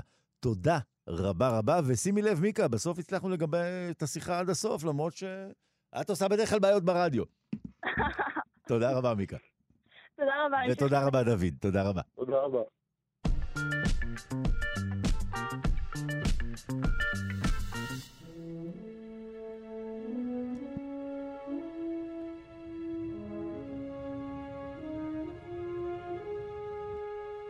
כאן תרבות אה, שלושה שיודעים. אנחנו עכשיו רוצים ברשותכם לצאת מן האולפן הזה, לקחת את כולכם מן המכוניות שאתם נמצאים בהם עכשיו בפקקים, בדרך לעבודה או בכל מקום אחר. כולנו יחד, נעלה למעלה לחלל. אה, גלקסיית אה, שביל החלב שבה אנו חיים החלה להיווצר לפני כ-12 מיליארד שנים. מאז היא גדלה גם במסה, גם בגודל, באמצעות רצף של מיזוגים עם גלקסיות אחרות. ומנתונים חדשים שנאספו מגשושית החלל גאיה, מסתמן ש... תהליך גדילת הגלקסיה שלנו עוד רחוק מלהסתיים. כעת האסטרונומים יכולים גם להתבונן בו בעודו מתרחש, והנתונים החדשים מאפשרים לחוקרים גם לשחזר את תהליך התפתחות הגלקסיה לאחור, לחשוף את אילן היוחסין של הגלקסיות הקטנות שסופחו בתהליך הזה לאורך השנים, והפכו את שביל החלב לגלקסיה שהיא היום, וכדי להבין את כל הדברים החשובים הללו, אנחנו אה, משכימים קום הבוקר הזה את פרופסור שי צוקר, ראש בית הספר לסביבה ומדעי כדור הארץ באוניברסיטת תל אביב. בוקר טוב, שי. בוקר טוב, נתיב. חלילה, אנחנו לא חושדים בך שאתה לא קם מוקדם אם אתה לא מדבר איתנו ברדיו, שלא יובן. אתה משכים קום בכל יום, פשוט היום אתה איתנו ברדיו. כמובן, היום זה קצת מאוחר לי. בדיוק, אתה כבר בשעה כזאת אוכל צהריים, מה אנחנו מפריעים לך? בדיוק, כן. אז אה, באמת, אתה יודע, שביל החלב שלנו, הגלקסיה שלנו, אה, קודם כל, תסביר את המשפט. מה זה, זאת אומרת, עוד רחוקה מלהסתיים? אנחנו, זה, זה עוד ממשיך לגדול, הדבר הזה? הבעיה שלנו היא שאנחנו רואים את שביל החלב וגם את כל הגלקסיות האחרות, אנחנו רואים בעצם מה שנקרא באנגלית סנפשוט, תמונה, סטיל, אה, ברגע מסוים, ואנחנו צריכים לנסות לשחזר מה, מה קרה לפני ומה יקרה בעתיד. ואת זה אנחנו עושים על ידי זה שיש לנו, בנוסף למדידות, בנוסף לסטיל, מה שאין לנו בדרך כלל בתמונת סטיל, זה גם אה, את המהירויות. אנחנו mm-hmm. יכולים לשחזר אחורה וגם לחזות קדימה, כי יש לנו גם מדידה לכל עצם, או לרוב העצמים, של המהירויות שלו. אנחנו רואים את המהירויות, אנחנו יכולים להבין מהם הכוחות שפועלים, כי לכל עצם כזה יש מסה והוא מפעיל כוח משיכה, ואז אנחנו יכולים להכניס את כל זה לאיזשהו משינרי, איזשהו מנגנון, שמאפשר לנו גם לעשות שחזור אחורה וגם לעשות אה, תחזית קדימה. ואז אנחנו מגיעים למסקנות, כמו שאתה אמרת, שהתהליך mm-hmm. עוד, עוד לא מסתיים. למה? כי מה אנחנו רואים? אנחנו רואים שבמה שנקרא ההילה של שביל החלב, כלומר ענן של כוכבים, אנחנו מזהים שיש בו זרמים או סילונים של כוכבים, שנראה שהם אה, היו לפני זה משפחה אחת, גלקסיה. Mm-hmm. ו- ואנחנו יכולים לשחזר אחורה מתי היא נפלה במרכאות לתוך שביל החלב, אה, כמה זמן לקח לה עד שהיא התפזרה והפכה לסילון כזה. ומה שהם כתבו במאמר הזה עכשיו זה על אחת הגלקסיות האלה, אחד הזרמים האלה, שנראה שהוא עוד לא לגמרי התפרק, כך שהוא mm-hmm. ממש אה, קרה לאחרונה, לפני כשישה מיליארד שנה. לאחרונה, ממש הרגע. כן, ממש הרגע. אנחנו. פה נותנים את הכבוד, כמו שאמרנו, לגאיה, שחושף את העניין הזה. אני ראיתי את התמונה, תמונה שבה אנחנו רואים את שביל החלב כפי שהוא נראה על ידי גאיה. אמ, מה היא רואה שונה ממה שאנחנו ראינו עד היום, אה, מבחינת, אה, תן לנו להבין, אה, הזווית, המראה, הפוקוס, הפירוט, במה השוני? בעיקר, שני הדברים האחרונים שאמרת, הפוקוס והפירוט. היא מאפשרת לנו לבצע מדידות מדויקות באופן חסר תקדים של איפה נמצא כל עצם. וזה זה, זה כאילו שאנחנו פתאום, מ-2013 שהיא התחילה לעבוד, אנחנו כאילו פתאום הרכבנו משקפיים חדשים ואנחנו רואים את העולם יותר נכון. היא בעצם אה, נותנת לנו אה, מסד נתונים של כמיליארד וחצי כוכבים, שזה כמעט אחוז מכל שביל החלב, בדיוקים מטורפים. אני, תמיד יש כל מיני אנלוגיות של uh, כמה זה מדויק. אתה יודע, mm-hmm. אומרים, uh, יכולת לראות uh, אם אתה מזיז שערה או גרגר חול על הירח, דברים כאלה. אמ, אבל זה, זה בפירוש משהו שעשה מהפכה באסטרונומיה. גם המאמר הזה שאנחנו מציגים בשיחה הזאת, mm-hmm. הוא בעצם לא תוצאה של עבודה של מד... המדענים של גאיה, שאני אחד מהם, אלא אנחנו שחררנו אה, מסד נתונים כזה לקהילה. ועכשיו הקהילה עובדת קשה, וכל הזמן יוצאים עוד ועוד תוצאות של הנתונים הגולמיים שאנחנו שחררנו. זה אה, מסד הנתונים השלישי שאתם משחררים?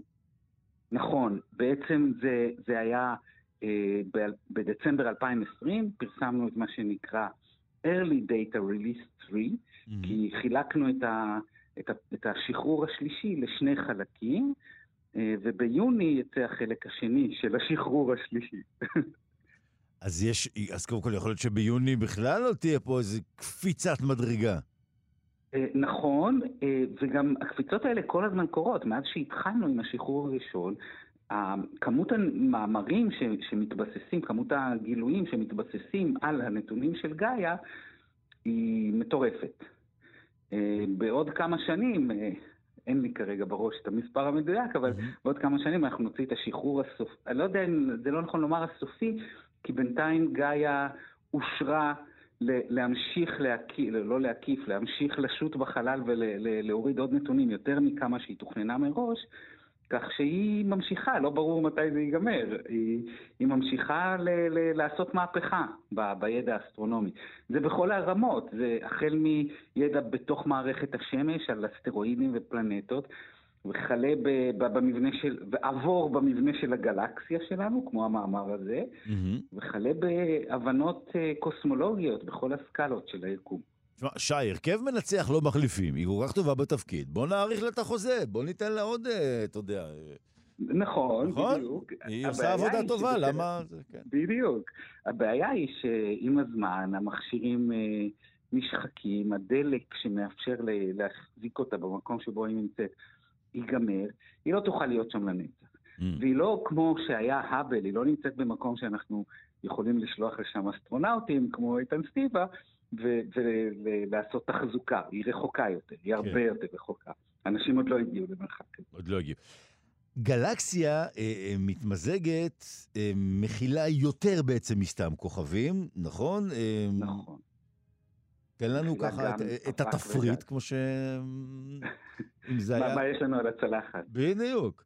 כן, אה, יש לנו כוכבים, כמו שאמרת, אבל בעצם גם כוכבים, צריך להבין שכוכב נוצר מענן, ענן של גז מולקולרי.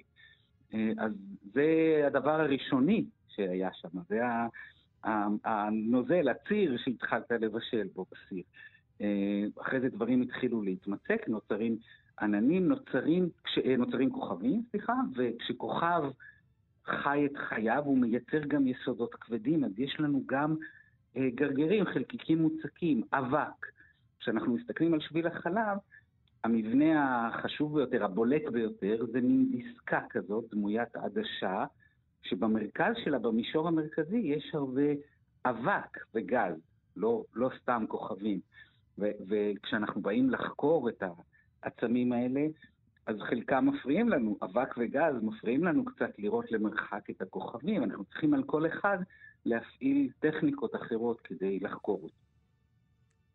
יש uh, במיזוגים הללו, uh, כמובן, uh, אירועים שבהם גם מעניקים שמות, נכון? ואחד המיזוגים קיבל את שמו של בנה של גאיה במיתולוגיה היוונית. כן, פונטוס. אה, זה החוקרים ש, שזיהו אותו, אה, החליטו לתת לו את השם. אה, אני לא בטוח, יש מה שנקרא איגוד האסטרונומיה הבינלאומי, mm-hmm. שהוא מעין גוף רשמי שאחראי, שיש בו ועדה כזאת שאחראית על מתן שמות לעצמים חלליים. אני עוד לא בטוח שהם אישרו את זה. Ooh. אבל uh, באוגוסט תהיה פגישה של האיגוד הזה, אז נראה אם הם יגידו משהו. אגב, זה... אם זה, אם זה רשמי, אם, זה, אם הוא הוטבל, או שהסנדק כבר נתן את השם. אנחנו יודעים um, שהרבה פעמים, אתה יודע, ממצאים חלליים מקבלים את שמם של המדענים שמצאו אותם. Uh, זה מקובל שבמקרה הזה um, השם יהיה קשור לגשושית שמצאה, במרכאות? אוקיי, הגשושית, מכיוון שהיא לא בן אדם. זהו, לכן אני שואל, זה מקובל. אה, אבל השמות אה, שמות של בני אדם זה בעיקר אה, קורה בתוך מערכת השמש. אנשים שמגלים, אסטרונומים שמגלים אסטרואידים וסוגרים אותם, סוגרים את המסלול, יודעים ש, שהם אפיינו אותו בצורה מספיק שלמה, יש להם את הזכות לבחור לו שם. אז בדרך כלל הם לא יקראו את זה על שם עצמם, אבל אתה יודע, יש למשל אסטרואידים שנקראים על שם חברי להקת קווין, אה, אבל זה, זה, כל זה זה בתוך מערכת השמש. מחוץ למערכת השמש זה יותר אה, מספרים קטלוגיים שונים ופחות אה, מלהיב. תגיד, אתה אומר פחות מלהיב, אה, דיונים כאלו שבוחרים שמות, זה, אה, אלו דיונים מלהיבים? זאת אומרת, זה משהו שהיינו רוצים להיות שם זבוב על הקיר בחדר הזה? אה, זה לא דיונים כל כך בחדר, זה יותר דיונים ארוכים. יש, יש אדם אחד שאני מכיר, הכרתי לפני כמה שנים, מי שעשה את זה, שהוא פשוט אה, מבקש מאסטרונומים בכל העולם שישלחו לו הצעות, והוועדה הזאת בעיקר משתדלת שזה יהיה ייצוג הולם לכל התרבויות שיש אה, על פני כדור הארץ, אה, יש שם אפילו שמות אה, על, על, לכל מיני, יש מכתשים על מאדים שיש לו, אני לא זוכר את השם, אבל יש משהו שנקרא על שם שלום הלחם, ושמות ביידיש, אז משתדלים להיות יש מח... רגע, יש מכתש ביידיש? כן, כן, אני, אני אמצא את זה באחת השיחות הבאות. אה, שי, עכשיו אתה הבטחת כאן, אתה לא כן, לא תוכל לחזור בך. יש מכתש ביידיש. איפה אמרת אבל שהוא נמצא? ב... נדמה לי שמאדים. במאדים? אבל אל תתפוס אותי במילה, אני צריך...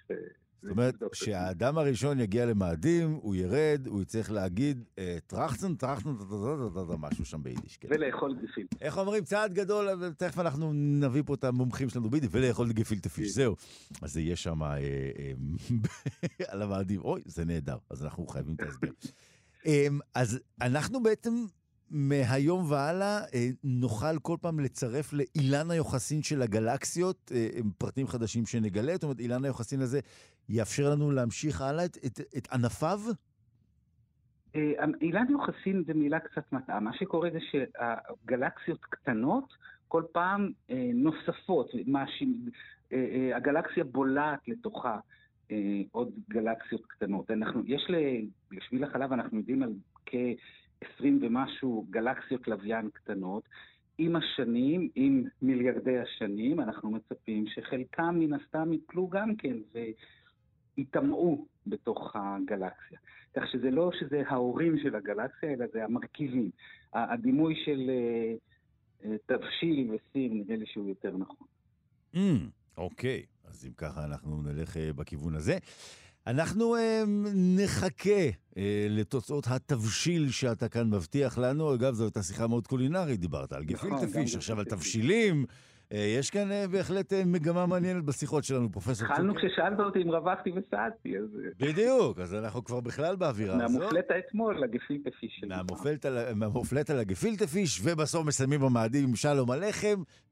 כיסינו פה לדעתי מה שנקרא אינטרוול רחב של, של נושאים. פרופסור שי צוקר, תענוג כתמיד, ראש בית הספר לסביבה ומדעי הכדורת באוניברסיטה העברית. תודה רבה, בוקר טוב, ולחיי היידיש בחלל. תודה. תודה, נתיב. להתראות.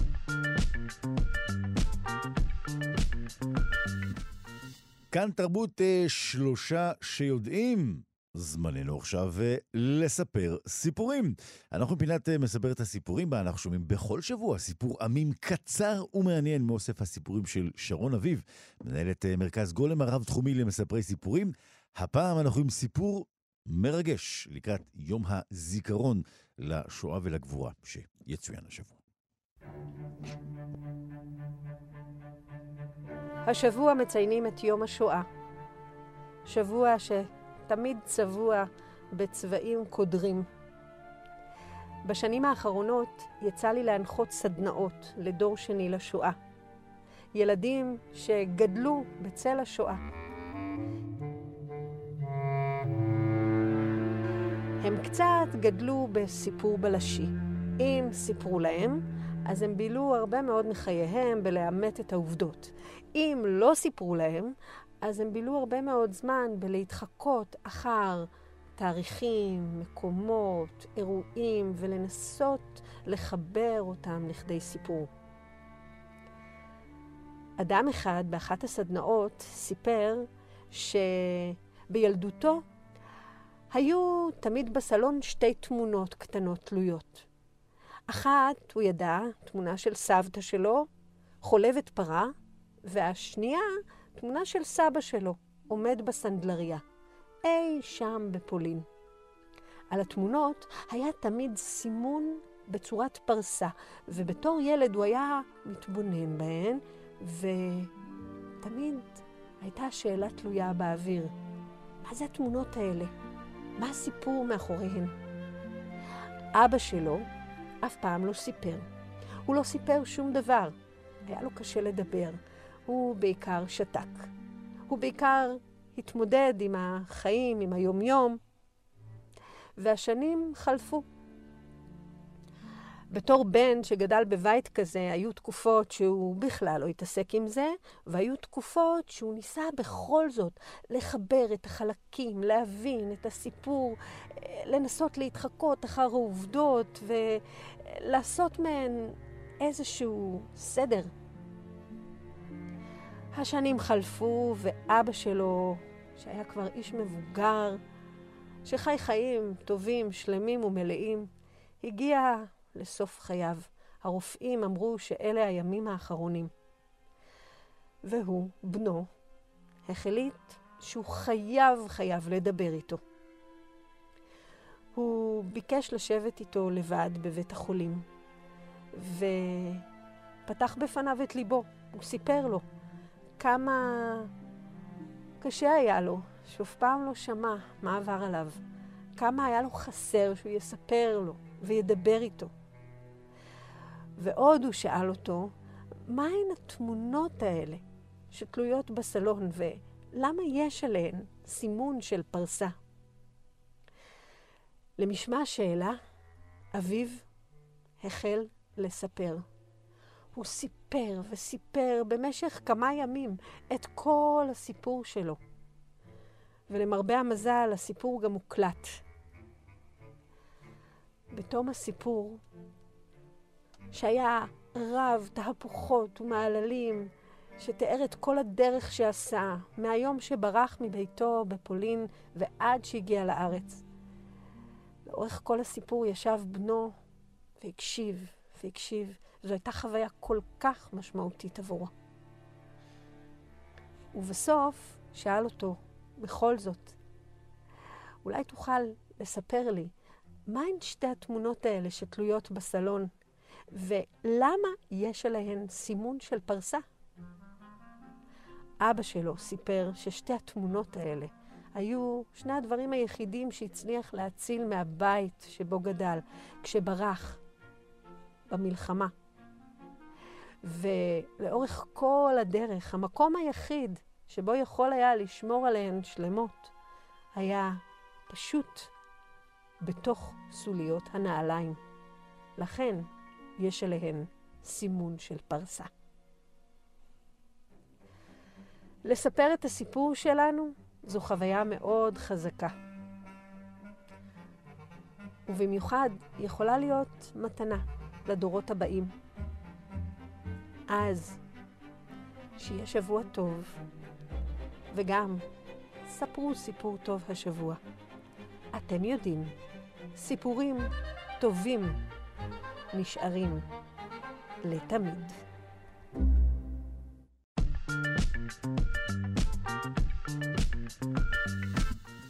כאן תרבות אה, שלושה שיודעים, אנחנו יודעים שאנשים רבים אוהבים לומר הללויה. מכל מיני סיבות. אז לקראת יום העצמאות תבוצע בירושלים יצירתו המונומנטלית של נועם שריף מחיי המתים, והיצירה מסתיימת אה, בשירה אדירה של הללויה. אז זה אירוע מצוין אה, לבדוק אה, באמת כיצד הפכה המילה הללויה לכל כך פופולרית בכתיבה ווקאלית עוד מימי הביניים, ועד היום כמובן. והאיש שנאמר אה, בוקר טוב והללויה, כאשר נאמר לו שלום, הוא פרופסור משה זורמן, מלחין, מנצח, מייסד הקתדרה למוסיקה בשיתוף אה, דוקטור אה, אסטרית בלצן. בוקר טוב והללויה, משה. אתה תהיה הנתיב שלנו אל המילה המופלאה הללויה. מילה נהדרת, אנחנו נורא אוהבים אותה. כן, המקור כמובן הוא ספר תהילים, אני מזכיר לך, יש איזו חגיגה מוזיקלית גדולה במזמור ק"נ, הללויה בתוף ומחול, הללויה במינים ועוגב, הללויה בצלצלי שמע, הללויה בצלצלי תרועה, כל הנשמת הלליה, כל הכלים שבבית המקדש ניגנו ושרו את מה? הללויה. כן, כי מזכירים פה, אתה אומר, נבל, אה, כינור, עוגב. כינור, עוגב, כן, כן, כל מיני כלים שאנחנו לא מכירים אפילו, כבר אה, מתקופת התנ"ך. אז זה אולי מין אה, סיבה אחת למה המילה כל כך מקובלת בכל הדורות. והסיבה השנייה אולי סיבה קצת מוזיקלית, כי המילה הללויה מורכבת כולה מעברות פתוחות. אז אפשר על הה לשיר שעה, ועל היה לשיר שעה, ולסלסל ולזמר, וזה מה שעשו מלחינים בכל הדורות. נהדר. אז אה, בואו נתחיל דווקא מהאירוע שבגללו אנחנו התכנסנו היום, באמת מבוצעת יצירתו של נועם שריב מיצירה ענקית מחיי המתים לכבוד יום העצמאות, מקהלה, חזן, תזמורת גדולה. בואו נשמע את השתי דקות האחרונות שמסתיימות בהללויה גדולה לכבוד תקומת עם ישראל. יותר גדול מזה לא יכול להיות, וזה יביא אותנו אל ההיסטוריה של המילה.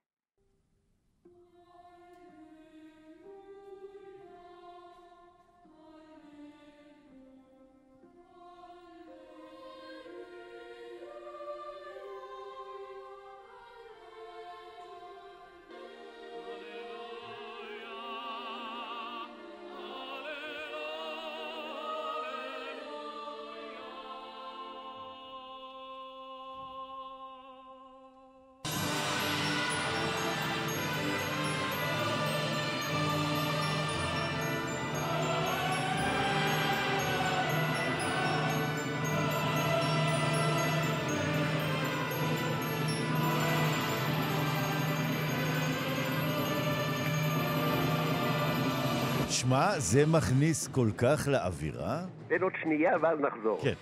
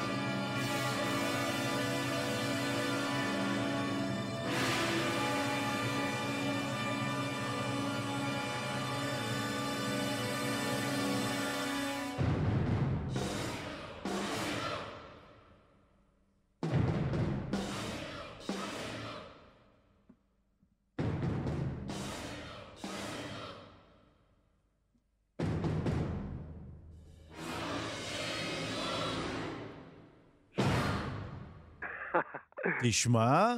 נכון, דרמטי. וואו. זה מה שקרוי הללויה בתוף ומחול ובצלצולי תרועה ובכל מה שאתה רוצה. ובצלצלי שמע, כל הנשמה תהלל יא הללויה. זהו, וזה יקרה בירושלים לכבוד יום העצמאות, אני חושב לאירוע בהחלט מוזיקלי מעניין, אבל זה הביא אותי לחשוב בכלל למה המילה הללויה כל הדורות כל כך אהובה.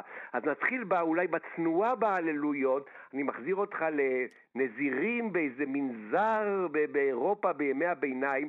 שים לב, במילה אחת, הללויה, קבוצת נזירים ואורגן יכולים לשיר אין סוף צלילים. ימי הביניים, הללויה. הנה זה מגיע.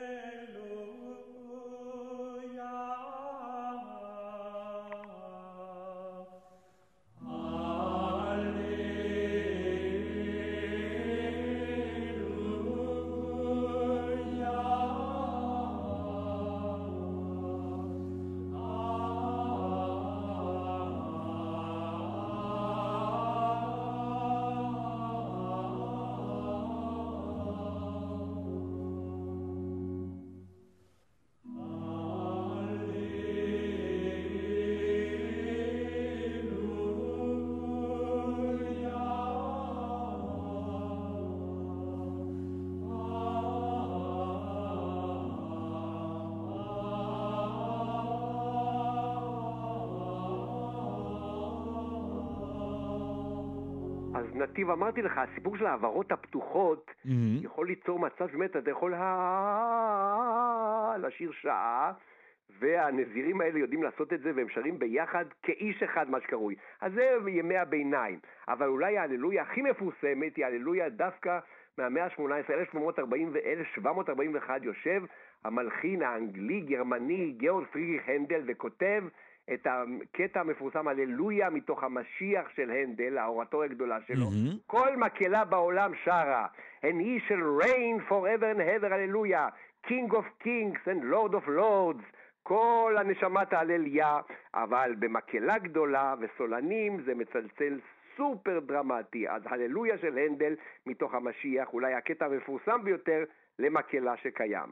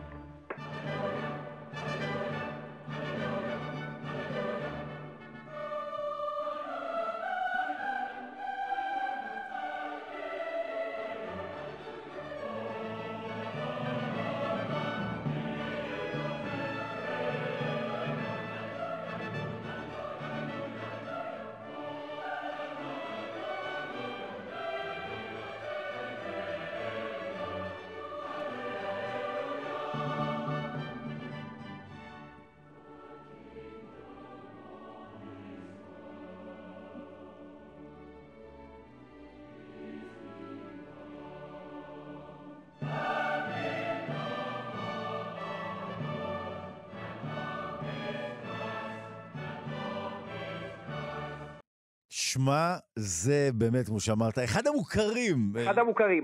גם מי שלא מכיר זמרת מקהלה מכיר את זה. מכיר את זה. זה מה שקוראים ברק הבא. עם החצוצרות והמקהלה, עם המוזיקה הזאת, הנדל כובש את אה, אנגליה בהתחלה, הוא הרי בכלל מלחין בגרמני, ואחרי אנגליה הוא כובש את העולם כולו, ואין מקהלה שלא שר את הללויה. הרב קוליות הזאת והכניסה של הפוגות וה, והחיקויים וזה, נפלא לחלוטין. אבל אז בואו נחזור לימינו בכל זאת, יש גם הללויה שנכתבת היום, ואחת ההללויות אולי הכי מפורסמות כמובן היא הללויה של חברנו ליאונרד כהן. שמע, זה כל כך מפורסם, אז עשו לו מאות של, של גרסאות כיסוי לשיר הזה, כן, לא ואז אתה שומע קצת לא את הטקסט, אתה מבין כן. שאיך שהוא המקור בכל זאת הוא תנכי. המשפט הראשון, Now, I've heard there was a secret chord that David played and it pleased the Lord. היה איזה איזה, איזה אקורד פלאי שדוד המלך ניגן וזה כבש את ליבו של מלך המלכים. מהו אותו אקורד? אתה שומע את השיר ואתה מתחיל להבין אולי זה האקורד של ליאונרד כהן מנגן על הגיטרה שלו. אז האלוהי המפורסמת של ליאונרד כהן תביא אותנו לכאן ועכשיו.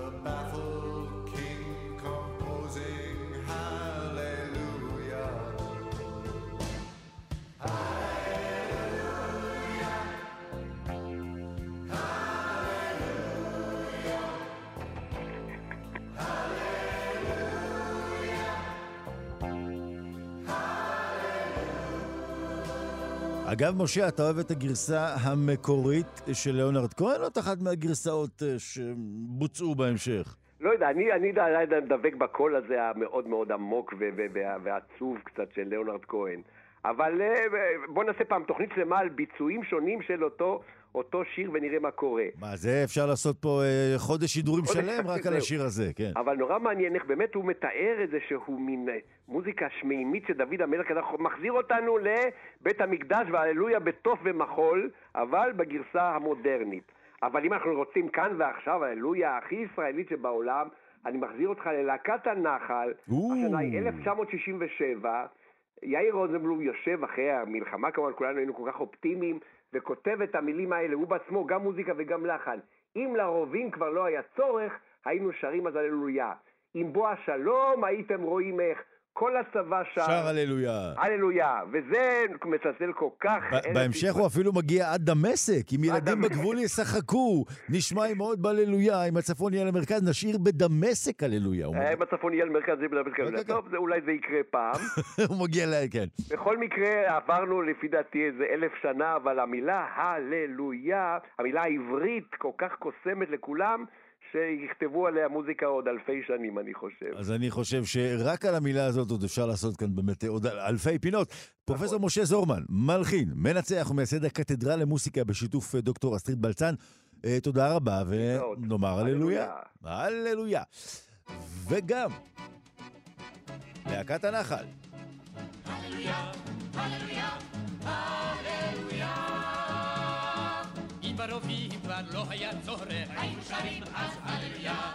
אם בשלום הייתם רואים איך כל הצבא שר הללויה.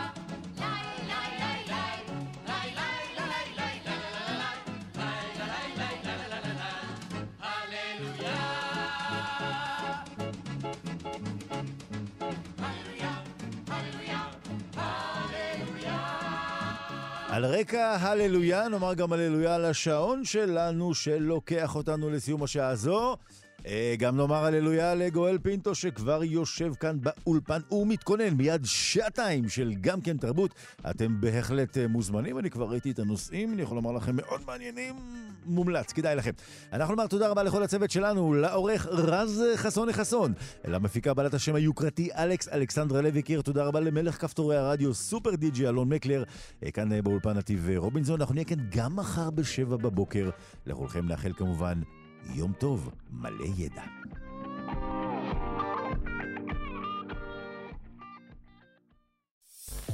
אתם מאזינים לכאן הסכתים, הפודקאסטים של תאגיד השידור הישראלי.